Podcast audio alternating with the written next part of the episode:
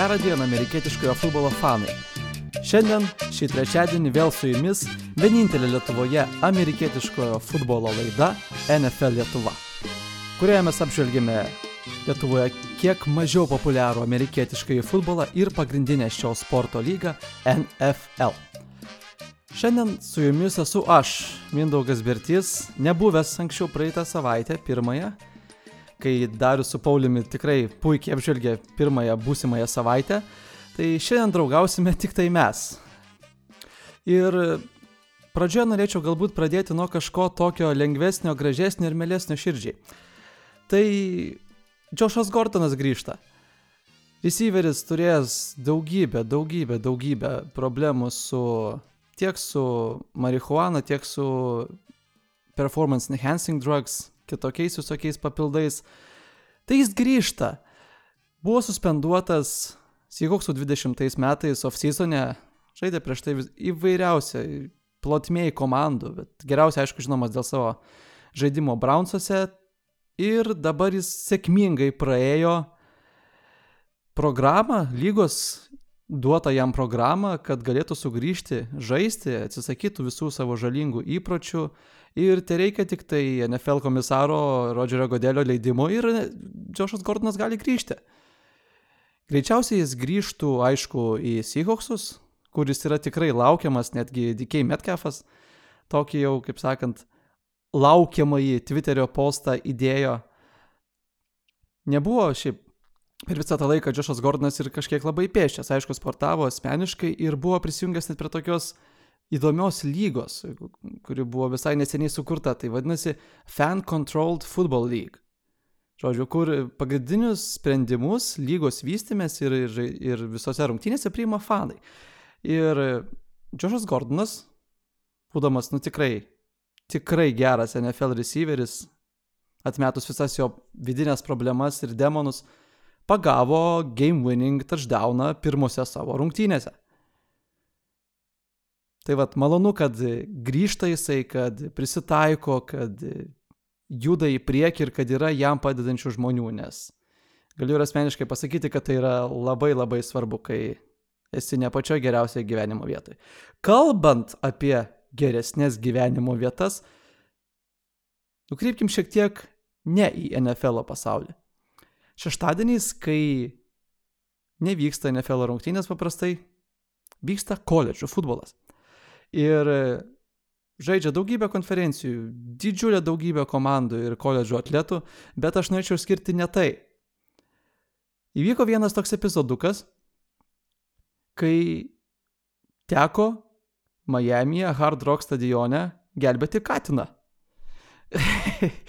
ir kažkokiu tai mistiniu būdu katė sugebėjo užsikabinti už viršutinių sėdimųjų vietų, tokių kaip stendo ir tiesiog kabėjo katiniukas. Ir žmonės stebėjo, žiūrėjo, ka, kas, kas su juo bus. Tai atsirado ir nebejingų žmonių.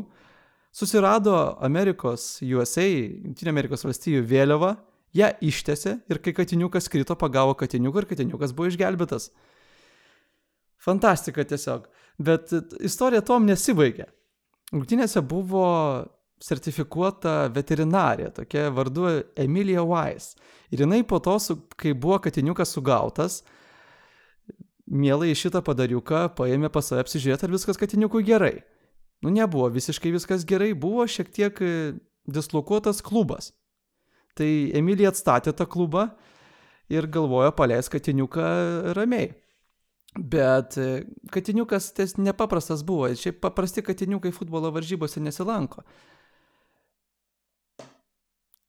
Jai, Emilijai, beapžiūrint katiniuką, priejo viena iš e, futbolo fanų, buvusių ten ir katiniukas tiesiog ją įkando.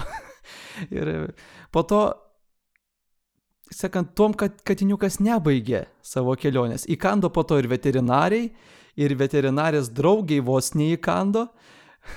Ir galiausiai katiniukas buvo paleistas ir nubėgo į studentų sekciją, kuri kanto dar dviem studentam.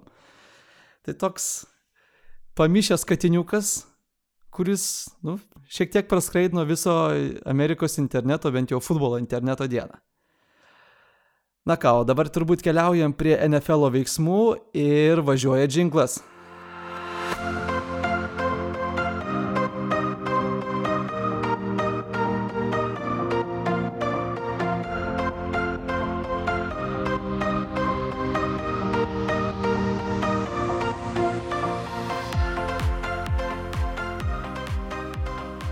Na kągi, pradėkim savaitę nuo piniginių reikalų. Savaitės eigoje New Orleans Saints komanda pasirašė naują 5 metų 97,6 milijonų JAV dolerių, iš kurių 68,3 milijonų yra garantuoti su savo didžiausia žvaigždė cornerbacku Marshawn Latimore. Tai yra didžiausia suma kurią gavo cornerbackas garantuotų pinigų visoje NFL istorijoje. Kas šiaip, nu, yra labai įdomu iš tos pusės, kad Seinsai pasirašė tokį kontraktą, nes atrodo, kiekvienais metais jie būna, nu, neturi pinigų tiesiog. Neturi tų pinigų, nu, bet kažkaip jų atsiranda vis. Ir atsiranda nedideliem kontraktam buvo. Alvent Kamaros kontraktas, iki šiol dar menkai žmonių grupiai suprantamas teismo Hilo kontraktas – Ir dabar yra naujas Mašon Retimorio kontraktas. Viskas būtų gerai su tais kontraktais, jeigu nebūtų blogai.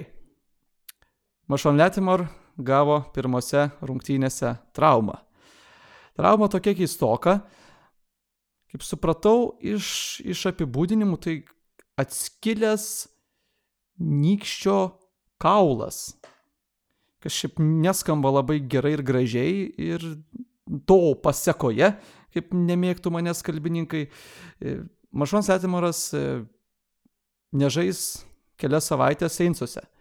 Taip pat e, Seinsuose ne vien tik jisai buvo toks laimingas šią savaitę, taip pat iškrito iš rykiuotės kelioms savaitėms jų pagrindinis centras Erik McCoy, pasitempęs irgi kojos raumenį, taip pat defensive end Marcus Davenport pasitempęs krūtinės raumenį, taip pat sava, kelias savaitės nežais. Ir dar ant viršaus, kad nepritrūktų, po jau šios savaitės rungtynių buvo paskelbta, kad net penki New Orleans Saints teneriai asistentai testavo teigiamai COVID-19 virusui. Tai net dar ir tenerių neturės, penkių. Nu tiesiog įdomiai fantastiška savaitės pradžia. Pirmiausia, didžiulis kontraktas, išsaugai savo žvaigždę, tada sužinai, kad ne vienas, ne du ir ne trys žmonės iškrenta dėl traumų kelioms savaitėms ir dar netinki trenerio. Nors prieš tai laimėjai tikrai geras rungtynes, apie kurias pašnekėsim. Taip pat traumų fronte gana ryškus lyderiai taip pat yra Baltimore Ravens komanda. Tai aišku, Markus Peters, taip pat cornerbackas Reivensų viena didžiausių žvaigždžių nusitraukė kryžminius kelio raumenis, kelio raiščius kryžminius nusitraukė ir nebežais visą sezoną. Lygiai tą patį padarė ir Ravensų running backas per tą pačią treniruotę vos ne tuo pačiu metu. Taip pat nusitraukė kryžminius kelio raiščius running backas Gus Edwards. Taip pat nežais visą sezoną. Dar be to, kai left guardas Ravenų, Tyre Phillips, kelio trauma, pasodintas į IR, į Injured Reservą. Jau dabar trečioje vietoje traumų fronte yra San Francisco 49ers. Jų pagrindinis running backas pirmose rungtynėse šio sezono, pirmajam kelinyje, prieš tai turės tikrai sėkmingą dešimties jardų per bėgimą vidurkį, nusitraukė tuos pačius kelio raiščius ir nežais visą sezoną. Running backas Rahim Mustard. Ko dar nebūtų maža, ir cornerbackas Jason Verrett taip pat nusitraukė tos pačius kelio raiščius ir taip pat nežais visą sezoną. Nežinau, kaip reikia jaustis šitom komandom. Netekus tiek žaidėjų galbūt šiek tiek kompensuoja tai, kad bent jau dvi iš jų, tai Saints ir Fortinaineriai, laimėjo pirmasis savo šio sezono rungtynės. Taip pat turėjom ir dar labai svarbių netekčių, tai manau pati svarbiausia būtų tai Vašingtono futbolo komandos, jį vis dar laiko tokį pavadinimą, nors jau buvo paskelbta ar ne dešimt variantų, iš kurių galėtų komanda rinktis, kaip persivadinti, tai bent jau mano toks favoritas būtų Washington Red Hogs, ir apie šernai viską ten galingi ir Ron Rivera gera istorija, viskas man labai gražiai klyjuojasi. Tai va, neteko Washingtonas savo pagrindinio quarterbacko Ryan Fitzpatrick. Klubo trauma, nežai 6-8 savaitės. Didžiulis smūgis komandai, iš tikrųjų su kurio žaidėjai, su kuriuo buvo pasirašytas tikrai 10 milijonų per metus kontraktas. Tai nėra menki pinigai. Toliau ir Bronkos neteko savo, nu galima sakyti, nu, galim teikti, kad pagrindinio savo wide receiverio Jerry Judy. Tai yra toks šlikštoka tokia trauma, high ankle sprain. Tai aukštesnis čiurnos patempimas, kai atrodo, dažnai būna, kad jau pasveiksti, bet pilnai daryti visko negali. Tai tokio šlištumo trauma 4-6 savaitės pasodins Jerry Judy ant soliuko. Pavyzdžiui, o New Orleans, New Orleans. O pavyzdžiui, New Yorko Jets komanda neteko savo pagrindinio left tackle Mekai Becton. Pas, pasitempė irgi kelio raiščius, nežais 4-5 savaitės. Laukiam, labai laukiam sezono, laukiam sezono pradžios ir pirmoji savaitė tikrai nenuvylė. Aišku, šiek tiek traumos viską gadina, kaip visada. Visada turbūt norėtųsi, kad žaistų patys geriausi žaidėjai ir jie visada žaistų. Bet taip nebūna. Ir apžvelgus traumas, keliaukime gal prie tokių įdomesnių momentų, ką nuveikė naujieji lygos dirigentai. Pasakykim taip, tai lygos naujokai, quarterbackai Zekas Wilsonas, Trevor Lawrence ir Mac Jones. Kitaip tariant, Rookie Report.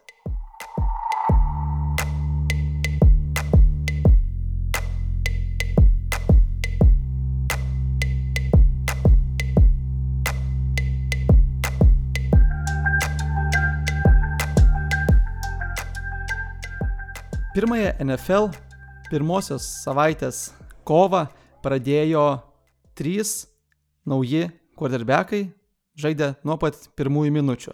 Tai Zach Wilson, Trevor Lawrence ir Mac Jones. Iš tikrųjų, atrodo, galėtų būti jų istorija visų kaip ir panaši. Ypatingai Zach Wilson su Trevor Lawrence yra, nu, ko neidentiška istorija. Tik tai šiek tiek skiriasi tik Mac Jones. Na ir galbūt tada pradėkim nuo Zach Wilsono. Zach Wilsonas susidūrė su, na, iki tol nelaikyta labai galinga Carolinos Panthers gynyba, kuri iš tikrųjų tikrai nustebino tose rungtynėse. Ir, nors iš kitos pusės nežinau, ar nustebino, bet atrodo tikrai gerai. Kodėl jie atrodė gerai? Nes Jets offensive linas buvo tiesiog siaubingas. Nu, tarsi, ne, nebandykim kažko įrodyti. Jets offensive linas buvo tiesiog siaubingas. Ir Zekas Wilsonas nuo to kentėjo ir raškė viso šito vaisius. Tai pirmoje mačo pusėje Wilsonas trečiam downą, third downą iš keturių metimų komplytino nulį. Prieš Blitzą iš keturių metimų komplytino nulį. Spaudžiamas pagal NFL Next Gen Stats definiciją iš septynių metimų buvo pagautas nulis, play action metimuose iš keturių buvo pagautas nulis ir deep passes, tai yra pasai, kurie keliauja daugiau negu 15 jardų, iš trijų pasų buvo pagautas nulis. Absoliučiai siaubinga pirma pusė Zach Wilson ir visai Jets komandai. Nežinau, kaip Robert Sala turėjo jų naujasis treneris jaustis, bet e, panašu, kad kažką šiek tiek ar į krūtinę padaužė, ar davė stebuklingo gerimo, bet Antroji pusėje Jetsai atrodė geriau. Na, bent jau Zekas Wilsonas atrodė, kad padarė, kad Jetsai atrodytų geriau. Ne? Tai prastas saldainis labai gražiam popieriukė. Iš viso, visa mačia Wilsonas buvo spaudžiamas pressured. 40 procentų visų savo drobekų, visų savo ketinimų pasuoti ir buvo sekintas net šešis kartus.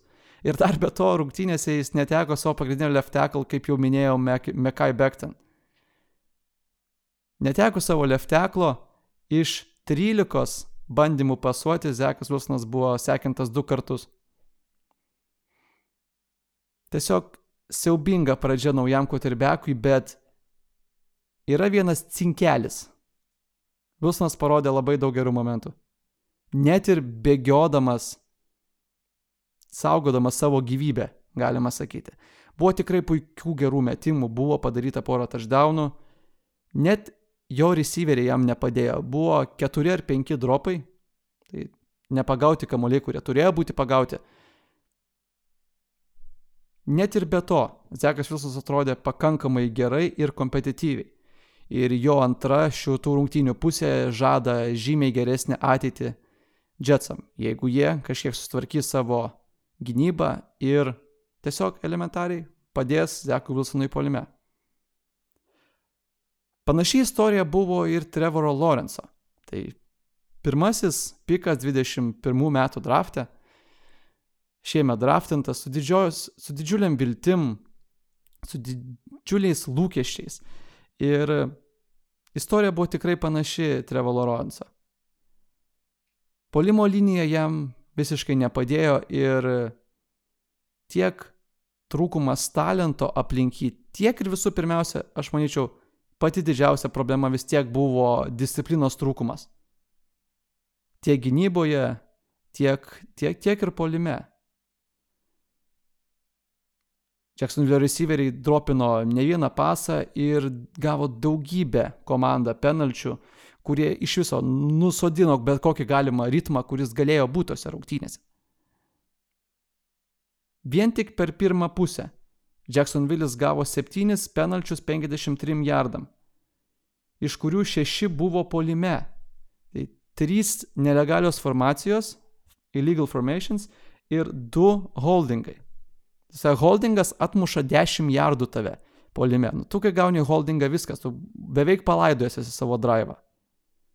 Ir gauti tokias sąlygas, būdamas rūkiu, pirmosiose savo rungtynėse, nesvarbu, kad nu, jis labai geras atrodo turės būti Lorenzas. Ir taip, daugybė tų tokių momentų buvo, kai jis, nors ir tie trys interceptionai buvo, jis vis tiek padarė tokių gerų metimų ir tolimą metimą, ir artimų metimų, kurie buvo tikrai tikslus, aiškus, drąsus. Ir atrodo, žmogus žino, ką daro, bet tada yra momentų, kai atrodo, kad iš vis neaišku, ką tas polimas daro. Ir tai buvo pirmasis Trevolo Lorenzo pralaimėjimas reguliariam sezone jo visoje futbolo karjeroje. Vidurinėje mokykloje, koledže žmogus niekada reguliariam sezone nebuvo pralaimėjęs.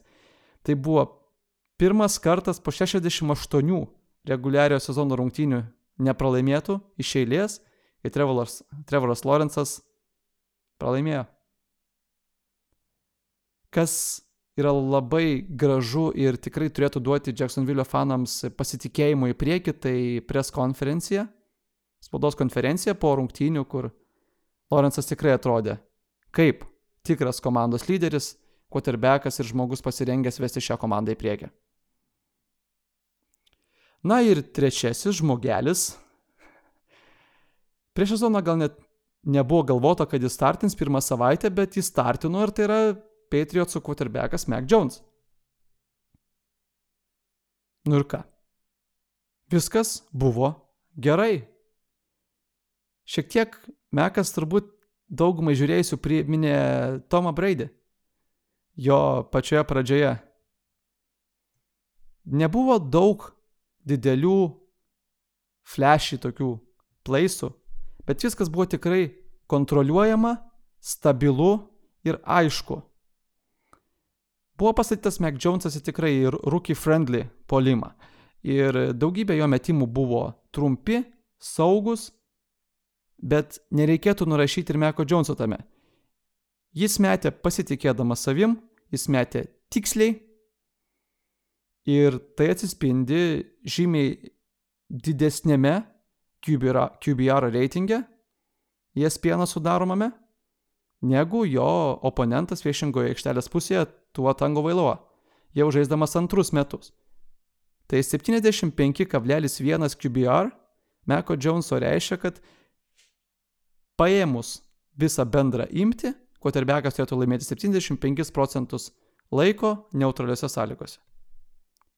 Naujokui pirmame savo karjeros starte prieš tikrai, tikrai aukštesnė negu vidurkis Miami Dolphins gynyba, tai yra labai geras startas ir Patriotsų komanda turėtų jaustis gan gerai.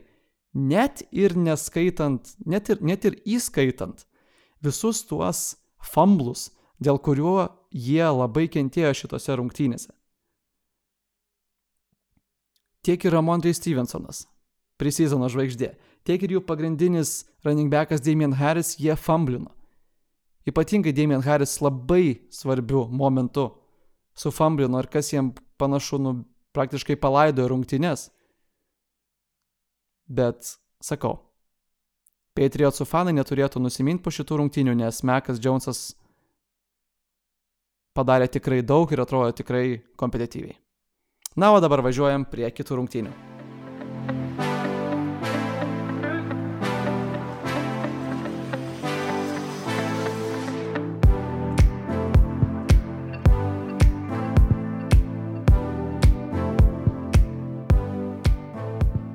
Pirmąją NFL savaitę pradėjome rungtynėmis ketvirtadienį tarp Dallaso Cowboys ir Tampa Bay Buccaneers, kurie gina savo NFL čempionų titulą. Ir jeigu visos tokios pirmosios savaitės rungtynės bus šį sezoną, tai turėsim tikrai nuostabų. Nuostabius metus turėsim ir nuostabų laiką. Viskas baigėsi, galima sakyti, gal net įprastai Tomui Breidžiui. Game winning drive'as prieš tikrai gerą komandą. Ir Cowboysai suprato, kad jie susiduria su tikrai gera, greita, aktyvia gynyba, kurią tu turi nugalėti būdamas drasus. Ir po, po rungtynių offensive koordinatorius Dalaso Kellen Moore buvo paklaustas apie, apie tai, kad Zikui Eliotui buvo tiesiog mažai šansų ir jis, jis neįtint ką parodė tose rungtynėse. Tai Kellen Moore atsakė, kad buvo 28 ranai net kolinti šitose rungtynėse, kas yra nu, tikrai nemažas skaičius, bet netgi iš 12 jų Dekas Preskotas, quarterbackas Kauboisų, tiesiog jų atsisakė, pamatęs, kokia yra gynybos formacija ir kokia yra situacija tuo metu. Ir čia yra, ko gero, vienintelė priežastis, kodėl kodėl Dalasas buvo kompetityvus šitose rungtynėse. Nes naudojant EPA, tai Expected Points Added statistiką, kurią naudosiu ir, ir vėliau šiandien, tai yra maždaug kiek remiantis modelių taškų kiekvienas derinys prideda prie tavo komandos bendro taškų skaičiaus. Tai pasuojant, kiekvienas derinys pridėdavo po 0,22 EPA o kiekvienas bėgimas su kamoliu Dalaso atimdavo po 0,29 EPA per derinį. Tai jeigu ne Dako Preskoto tikrai noras užimti lyderystės poziciją ir tiesiog atsisakyti tų run playsų, tai Dalaso būtų laukusi žymiai liūdnesnė pabaiga negu kad jinai laukia. Tomas Breidis dabar padaręs yra po šio mačo jau 49 game winning drive'us. Tai yra trečias rezultatas visoje NFL istorijoje ir tik du quarterbackai, kaip savaime suprantama, yra padarę daugiau. Tai Peytonas Meningas su 54 pirmoje vietoje ir antroje vietoje Drew Brees su 53. Matant, kaip Tomukas neblėsta vis dar ir išlaiko savo lygį, galima turbūt numanyti, kad jisai pateks į šitų dviejų vyrukų kompaniją, o galgi net ir aplenks. Jam nereikia to daug tik 5 game winning drive'ų iš dabar jau pailginto sezono. Taip pat Tomas numetė ir du touchdownus Robui Gronkauskiui ir tai buvo jau šimtasis touchdownas šitų dviejų žmogeliukų kombo, kurį numetė per savo karjerą. Ir tik vienas kombo yra geresnis visoje istorijoje, tai tas pats Peytonas Meningas ir jo mylimiausias receiveris 21 amžiaus pradžioje Marinas Harrisonas net 114 touchdownų buvo padaryti tarp šių dviejų, galima sakyti, Hall of Famerių. Puikus mačas, daug veiksmo, daug pasavimo, daug intrigos, daug gerų ir polime ir gynyboje epizodų ir būtent tokios rungtynės turėtų pradėti kiekvieną NFL savaitę. Toliau mes keliavome į sekmadienį, kur mūsų laukia tikrai didžiulis kiekis puikių mačų ir aš norėčiau visų pirma apsistoti ties, ties Chargeriais ir, ir Washingtono futbolo komanda. Justinas Herbertas atrodė žymiai pažeidžiamiau, negu kad atrodė praeitam sezone. Ta aureolė tokia sukurta buvo aplinky, kad jis viskas fenomenas, kad antram sezone iššaus, kad jau po pirmo sezono, kuriame jis tikrai gerai pasirodė, nu, iš dalies dėka daktaro, kuris pradūrė Tyrodui Taylorui plautį. Tai buvo ta tokia aura ir suvokimas, kad antram sezone tai iš viso šau žmogus į priekį, bet susidarė su, galima sakyti, to penki gynyba lygoje, Vašingtonu ir tie paprasti numeriai atrodo iš 47-31 pasas kompletintas, 337 jardai, vienas touchdownas, vienas interceptionas. Nu, neatrodo įspūdingai. Bet Jeigu pasižiūrėsim į viską, kas slepiasi po šituo, tai buvo tikrai geros Herberto rungtynės, žinant tai, su kokia gynyba buvo susidurta. Praėjusią sezoną lygoje visoje Herbertas atliko antrą daugiausiai skaičių perdavimų third downose.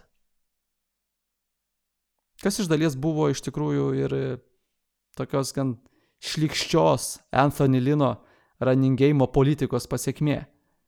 Tai šiuose rungtynėse Justinas Herbertas taip pat strigo pirmosiuose dviejose downsuose, tai tik minus 0,31 EPA per derinį buvo gauta. Tai, tai, tai, tai, tai yra labai negeras rezultatas, bet užtat trečio dauno polimas buvo visiškai kosminis. Trečiuose downsuose, paklausykit, įdėmiai, trečiuose downsuose buvo kompletinti 13 iš 16 perdavimų, 160 jardų, touchdownui buvo vidutiniškai 1,2 EPA per derinį, 1,2. Ir visus perdavimus trečiam ir ketvirtam daune jų success reitas buvo 82 procentai. 82 procentai success reitas. Čia ir negirdėti skaičiai ir dar žinant, kad tai buvo atliekta prieš Vašingtono gynybą. Absoliuti fantastika. Parautinių buvo Herbertas paklaustas, kodėl lygoje žinomas kaip pasus gaudantis running backas, pass catching back, Austin Eckler negavo nei vieno, nei targeto, nei kečio šitose rungtynėse ir baigėsi apskritai nuliu. Tai labai gražus buvo Herberto atsakymas ir tai, kokia yra vykdoma čaržerių filosofiją puolant. Tai kad atsak, atsakymas buvo maždaug toks, kad tu kiekvienu momentu turi pušinti kamolį į priekį.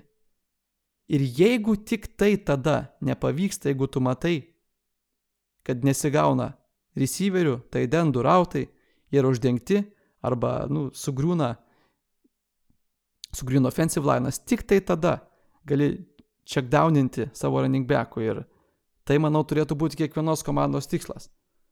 O ne prisikabinti prie savo įsivaizdavimo, kaip turi polimas veikti. Mes šitose rungtynėse pamatėm, kad Herberto aukštumos yra ko gero vienas aukščiausių lygo, kokios tai gali būti. Bet to žemumas irgi taip pat gali būti pakankamai žemos Tai belieka tikėtis, kad tos aukštumos bus žymiai dažniau rodomos negu žemimas. O kitoje barikadų pusėje turėjom Vašingtoną su savo, kaip jau minėta, tikrai nuostabia gynyba. Ir jie neteko savo koterbeko vidury rungtynių. Pikpatriko ar Fitzmagiko priklauso nuo to, koks epizodas, bet Radno Fitzpatriko nebebuvo. Ir jis nežais dar daugybę savaičių ir vietoj jo išėjo į aikštelę Tyler Heineke. Ir Heineke atrodė gerai. Jis atrodė gerai praeitam sezone, kai reikėjo užbaigti vietoj. Taip pat pakeičiant quarterbacką. Ir jis vėl atrodė gerai. Užtikrintas savo jėgom, aiškiai išeina, daro ką reikia, nesutrikęs. Ir tiesiog komanda šiek tiek pritruko. Dabar Vašingtonas keliaus tolyn su Heineke prieš akį ir Aš nemanau, kad bus blogai. Aš nemanau, kad bus blogai. Galima turbūt žiūrėti, kad jis yra second string QB, nieko per daug nenuveikęs, kažko neįrodęs, iš vis nežinomas vardas dar net prieš metus ar, ko gero prieš metus visiškai niekam nežinomas vardas. Bet Vašingtonui bus gerai.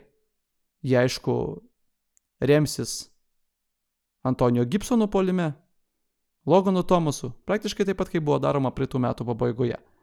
Ir aš nemanau, kad Vašingtonui bus blogai. Jie dabar vat gauna, jie pas jūs atvažiuoja Giantsai į namus, į Vašingtoną. Nematau priežasties, kodėl Vašinas negalėtų laimėti šitų rungtynių.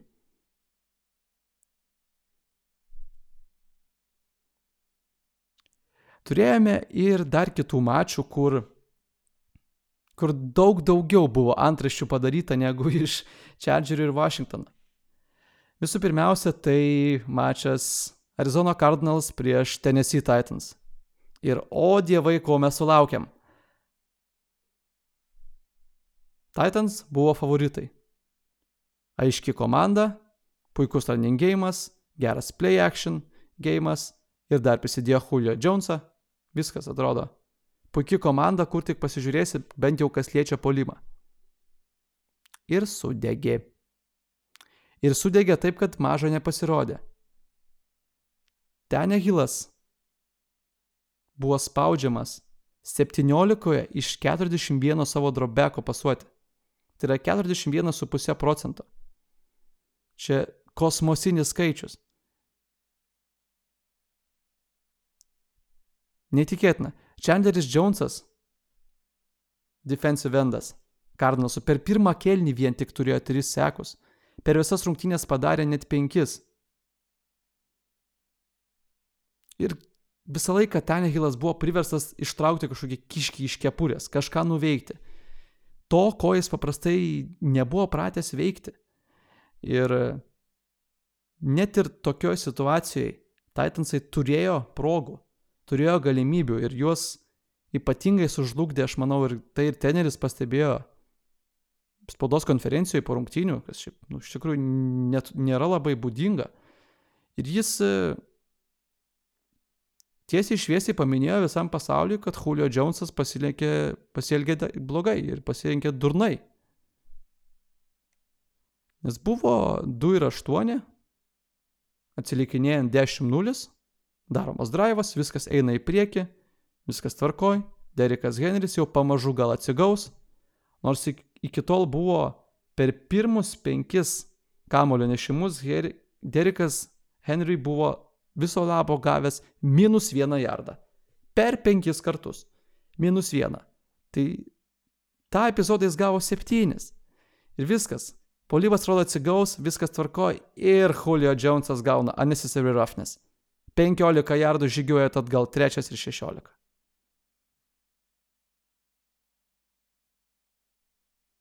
Ir man atrodo, šitas epizodas visiškai sužlugdė Titansus ir tiesiog po to karto Cardinals nebežiūrėjo atgal. Kyler Murray lakstė savo mažutėm kojytėm, kaip visada jis tai daro ir tai daro absoliučiai puikiai. Numesti po du touchdownai tiek DeAndre Hopkinsui, tiek Christian Kirkui, kuris, šiaip įdomu, žaidė 96 procentus visų savo rautų, bėgo 96 procentus visų savo rautų iš sloto, ko jis praktiškai visiškai nedarė praeitais metais, nes tas jo skaičius praeitą sezoną buvo tik 16 procentų. Kodėl tai įdomu? Nes jis visą savo koledžo karjerą 95 procentus rautų bėgo iš sloto. Christian Kirkas sugrįžo į vietą, kur jis yra mylimas labiausiai, kurią jis myli labiausiai ir ten tiesiog žibėjo. Cardinalsai sutraiškė iki kepenų ir vidurių Titansus ir po šitų rungtynių turėtų daug ką pergalvoti Tennessee komanda. Ypatingai aš manyčiau tai liestų jų play action game. Titansai buvo itin žinomi dėl savo kokybiško, dažno ir efektyvaus play action game. Praėjusią sezoną jie naudojo play actioną 59 procentuose savo metimų. Pirmoji savaitė tas procentas 5. 5 procentai. Naujas polimo koordinatorius panašu daug gyvybės nedavė, bent jau pirmąją savaitę ir gali būti, kad sezonas prasidės 0-2, nes Titans po šitų siaubingų rungtynių namuose keliauja į Seattle žaisti su Seattle Seahawks, jų arenoje, kuri žinoma kaip košmaras priešininkams su tikrai kokybiška ir gera Seahawksų komanda, kuri tai ir parodė rungtynėse prieš Indianapolį. Cardinalsai tuo tarpu žais su Minnesota Vikings, kurie sugriuvo prieš Cincinnati Bengals ir žais namuose. Prognozuoju tikrai 2-0, nebent nu, nutiks kažkas absoliučiai netikėto. Kitos rungtynės, kurios iššaukė daug, daug visokių reakcijų ir, ir, ir iš tikrųjų klausimų netgi, galim pasakyti taip, tai Steelers ir Bills. Gynybinė kova. Šlykšti gynybinė kova. Ko ir turbūt būtų, buvo galima tikėtis, nes abiejų šitų komandų gynybos praeitą sezoną buvo top 12 pagal DVOA. Tai maždaug gynybos reitingas virš vidurkio. Tai Pittsburghas buvo pirmoje vietoje, Buffalas buvo 12 vietoje. Tai vad, jokio surprizo tame nėra, kad tai buvo toks slugfestas polimo. Ir nežibėjo tiek Joshas Alanas, tiek Big Benas Roethlisbergeris. Iš Benuko tai mes to galim tikėtis. Nu, jis jau daugybę metų, na gerai, gal ne daugybę metų, jau kelis metus iš eilės nebepasižymi tuo, kuo jis pasižymėdavo savo karjeros pike.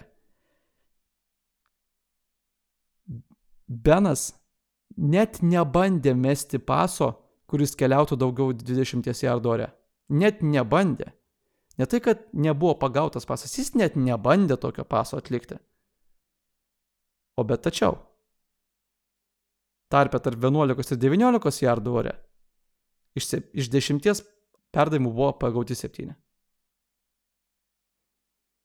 Nes taip pat matėm nieko tokio, ko mes negalėjom tikėtis pamatyti. Tai buvo Benas Roflisbergeris, trumpi pasai, vidutinis targeto tolis, galima pasakyti, tik 5,7 jardo. Lengvi, paprasti, trumpi metimai, vos ne kaip Mekui Jonesui.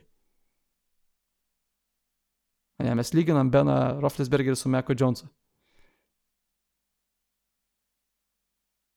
Tai, tai yra tas Benas, kurį mes matysime šį sezoną ir kurio mes tikėjomės matyti šį sezoną.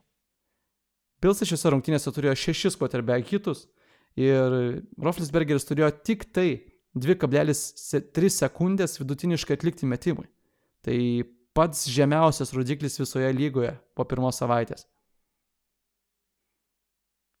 Bilsai absoliučiai negerbė galimybės, kad Steeleriai kada nors gali mesti toli. Ir tai matėsi. Ir jeigu toliau visos gynybos negerbs, net nebandys gerbti galimybės, kad Steeleriai gali mesti daugiau negu 20 jardų ore, tai jiems nusimato tikrai liūdnos karpos. Kitoje pusėje užtat, va, Bilsuose taip pat nežibėjo Jošos Alenas ir daug jo metimų nebuvo tiesiog, kad kažkoks tai ar receiveris nepagavo, ar, ar gera gynyba nemankas kiekis Džošalano metimo buvo tiesiog, tiesiog prametė. Nepataikė žmogus. Ir viskas.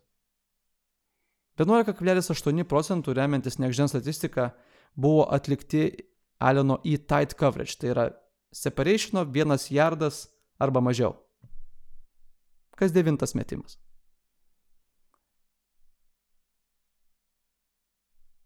Tai vienas mažiausių procentų visoje lygoje pirmą savaitę.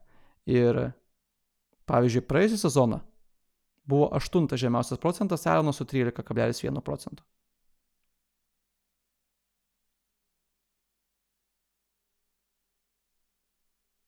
Šią savaitę Aronas averagino penktą blogiausią rezultatą CPOE, tai yra Completion Percentage over Expected.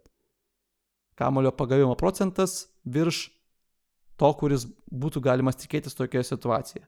Minus 7 procentai. Ir jau minėtas EPA per pasą buvo minus 0,12 kiekvienam epizode. Kitaip tariant, per 10 paso attemptų buvo prarandamas vienas taškas. Šlykščios rungtynės Bilsams, šlykščios rungtynės Steeleriam, bet šiek tiek geresnė gynyba laimėjo. Ir to pakako. Daug buvo, labai įdomu buvo žmonėm, pavyzdžiui, kas, kas gausis iš Nedžiai Harriso, kurį pirmam raunde padraftino Steeleriai. Ir iš tikrųjų buvo įdomu, nes jis žaidė visus 100 procentų komandos nepų. Joks kitas running backas pirmoji savaitė to nepadarė. Arčiausiai buvo Darrell Henderson iš Ramso. Bet pasimatė, kad Pittsburgh offensive line'as yra skistokas. Pasakykim taip. Nes 61 procentas visų Nedžiai Harriso gautų jardų, kurių ir taip nebuvo daug, buvo gauti po kontakto. Ir tik vieną jardą žmogus gavo nubėgti prieš, prieš tą kontaktą. 1,2 jardo prieš kontaktą. Kitaip tariant, tavo offensive line'as neduoda tau erdvės visiškai. Nežinau, ką Nedžiai Harrisas gali sukurti su tokiu offensive line'u, bet tikrai ne prieš Bilsus. Kitos rungtynės, kurios buvo labai, labai, labai geros daugumas NFL fanų širdžiai, tai buvo pekeriai su Seinsais. Jėzus Marija, kaip smagu. Ernas Rodžesas yra. Yra. Ir jis žaidžia labai blogai. Nuostabu. Nuostabu ir matau, kaip Darius turbūt tur, tur, turėjo verkti kampe, būdamas atostogose šią savaitę, žiūrėdamas, kaip pekeriai visiškai miršta prieš New Orleans Saintsus ir jų nuostabųjį, nuostabųjį naująjį quarterbacką James Winston. Matyti, kaip tavo MVP, MVP, Ernas Rodžesas gauna į vienus vartus nuo New Orleans Saints be Drew Breeso su James Winstonu, Nuostabi, nuostabu, tiesiog fantastika. Seinsai, kaip minėjau, dar jie neteko, neturėjo daug žmonių.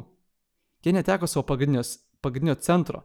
Turėjo pastatyti iš dešinio gardo, right gardo, turėjo perstatyti Cezarą Ruizą. Į tą right gardo poziciją perstumti žmogų, kurių turbūt niekas nebuvo girdėjęs, tai buvo Kelvin Throckmorton. Kelvinas Throckmortonas žaidė offensive line ir offensive line'as atrodė absoliučiai puikiai. James Winstonas turėjo galybę progų pasuoti. Viso labo 20 kartų buvo pasuota, bet buvo numesti 5 touchdownai.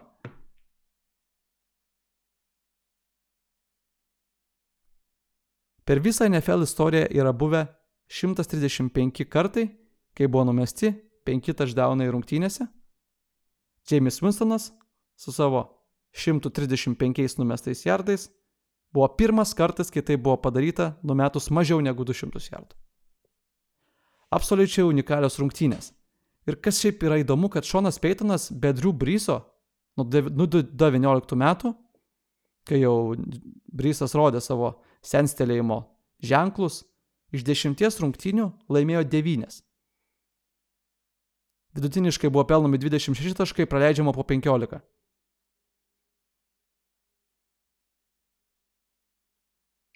Po šitų rungtynių gali tik suprasti, kad Šonas Peitonas yra visagalis. O kitoje barikadų pusėje, pekeriuose, daugiausia jardų po pagavimo surinko 37 metų blokuojantis taidendas Mercedeliuvis. Tai turbūt viską pasako apie pekerius, kurie buvo tą dieną. Iki ketvirto kelinio vidutinė distancija Third down'e, kurią pekeriai turėjo įveikti, buvo 9 jardai. Vidutinė distancija buvo 9 jardai. Atsiliekant 17-3, siaubingas interceptionas. Erno Rodžeso. Tada apsigina pekeriai ir dar vienas tikrai blogas interceptionas permestas. Jokių šansų pekerių receiverių, jokių šansų Rodžesui komplytinti šitą pasą. Aišku, daug kas, daug kas matė ir vieną tokį kitokį epizoduką tose rungtynėse. Tai jau esant rezultatui 24-3, jau esant blogam rezultatui, James Winstonas numeta interceptioną. Ok, geras ženklas, pekeriai atsigauna, viskas tvarkoj, perimėm kamalį Jameso, pagaliau kažkas galbūt įvyks. Ne. Roughing the passer pusė distancijos iki, iki tikslo ir Saintsai turi toliau kamuolį. Ir mano tikrai subjektyvių suvokimų ten roughing the passer nebuvo. Su manimi, manau, sutiks bet kuris pekerių fanas ir ko gero bet kuris objektyvus Saintsų fanas. Ten roughing the passer nebuvo. Ir tai galutinai nužudė pekerius. Jau ir tai buvo viskas labai blogai. Jau Rodžersas žaidė vienas blogiausių savo rungtynių karjeroje turbūt. Nu, bent jau tikrai per paskutinius kelius metus. Ir dar nužudė toks skolas, po kurio prasileidžiamas yra touchdownas. Iš karto kitam derinį.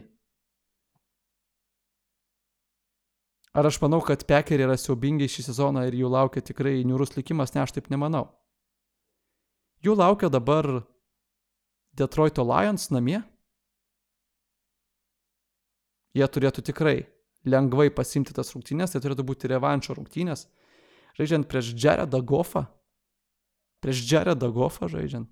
Ir Detroito Lions, kurie nu, neturi praktiškai nieko.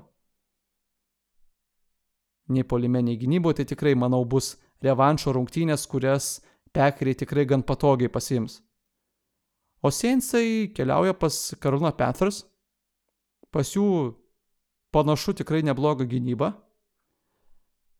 Bet jeigu buvo galima padaryti tai prieš pekerius, tai nematau galimybių, kaip nebūtų to galima to paties padaryti ir prieš Panthers.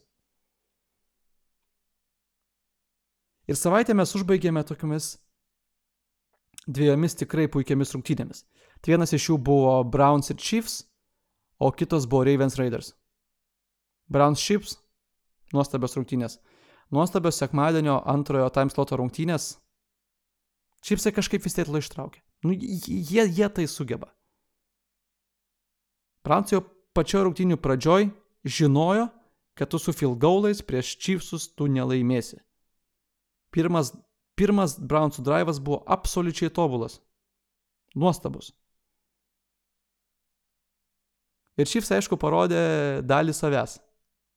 Pavyzdžiui, praeitam sezone, kai oponentas nueina į red zone, o būtent tas oponentas prieš Chiefsus skorina touchdowną 73 procentus iš visų kartų.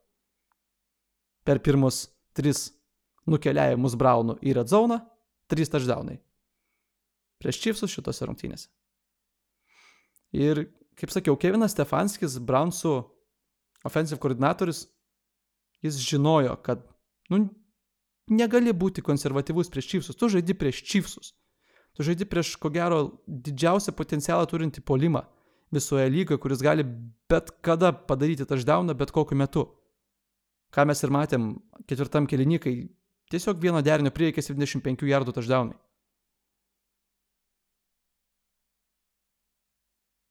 Tai Stefanskis tikrai agresyviai ir teisingai priėmė fourth down sprendimus. Net ir praeitą sezonais pagal optimalio, optimalaus fourth down sprendimo procentą, pagal next-gen status 80 procentų tai darė, buvo absoliučiai pirmas lygoje pagal tai by a mile. Ir tai buvo priimama šiandien ir Browns iš tikrųjų kontroliavo rungtynės. Brownsai kontroliavo rungtynės ir šiek tiek juos sugriovė tiesiog elementari panterio klaida. Nesugavo, nesuvaldė kamulio, neišpantino kamulio. Ir viskas. Čipsam tiek tai reikėjo. O viską užbaigė Bakerio Mayfieldo interceptionas, kuris irgi nebuvo, ne, nebuvo tikrai geras. Panteriui bū, būtų užtekę tiesiog padaryti tai, ką kitose rungtynėse Seahawksų panteris Michaelas Dixonas padarė. Irgi tas pats buvo. Pamatė, kad pareina pes rašas, atbėga trys galingi 120 kg vyrai, tiesiai prieš tai tiesiog kažkiek pabėgo iš šono ir greitai nuspyrė kamolį. Tokio situacijoje panteriui nereikia kažko išsigalvoti. Matyti to pirmą dauną paimti, nes su jo nepaimsi. 9 kartus iš 10 turi greitai susikooperuoti ir spirtą kamolį von iš ten kuo greičiau ir kuo toliau. Nesvarbu, kiek nuspirsi, kad ir kiek nuspirsi, bus geriau negu nenuspirt nieko. Ir tas epizodas Special Teamsų tikrai, tikrai nepadėjo Brownsams, kurie, kurie turėjo viską savo rankose. O savaitę baigiam rungtynėmis tarp Ravens ir Raiders. Pirmos rungtynės Ne pirmos, antros rungtynės. Prieš tai Vikingsai su Bengalsais. Keliavo į pratesimą, antros savaitės rungtynės, kurios keliavo į pratesimą. Ir visų ko gero nuostabai raideriai, raideriai paėmė šitos rungtynės. Jie paėmė. Derekas Karas iš viso numetė 435 jardus. Antras didžiausias rezultatas visoje Monday Night Football istorijoje. Per paskutinius 10 sezonų. Kas daugiau padarė? Patrikas Mahomesas. 478 jardus prieš Remsus. Tam legendiniam mače, kuris baigėsi 53 ar 51, kažkas tokio. Žodžiu, šimtas taškų, kur buvo sumesta prieš kelis sezonus. Tai buvo tik viso labo tik septintos rungtynės Dereko karo karjeroje, kai jis numetė daugiau negu 400 jardų. Pirmas kelnys buvo sunkus jam, bet likusios rungtynėse atsigavo karas ir padedamas tikrai gerų Briano Edwardso naujoko pastangų ištraukė rungtynės ketvirtam kilinį ir galiausiai, galiausiai jas paėmė į savo rankas net ne iš pirmo karto pratesime. Jau atrodė turėjo laimėtas rungtynės raideriai. Viskas, turi kamolį, nužygiavo iki red zauno ir ten Derikas Karas numeta interception. Aš, aš neįsivaizduoju, kaip turėjo raiderių fanai jausis, bet net ir pačiam žiūrint rungtynės, nu gaila tų raiderių tada palieka. Jau viskas, atrodo, viską padarėjai. Viskas, nieko daugiau nebereikia. Antras kartas. Tam pačiam Brianui Edwardsui. Numestas galybės jardų, nuostabus metimas. Žmogus atrodo viskas jau, skoro touchdowną, ne. Overturnintas touchdownas, dar turėsit pakentėti. Baltimorė pirmavo 14 taškų. Jis sugebėjo pralaimėti. Tai šis tik trečias kartas trenerio Džono Harbo istorija, kai jis pralaimi pirmaudamas 14 taškų.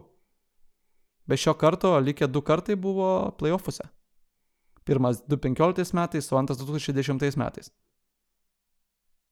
Su Baltimore yra viskas gerai, jie turi Lamarą Jacksoną, jie turi tikrai gerą potencialą polime, aiškę schemą, aiškę gynybinę schemą, net ir, ir be žmonių, kurios prarado dėl traumų.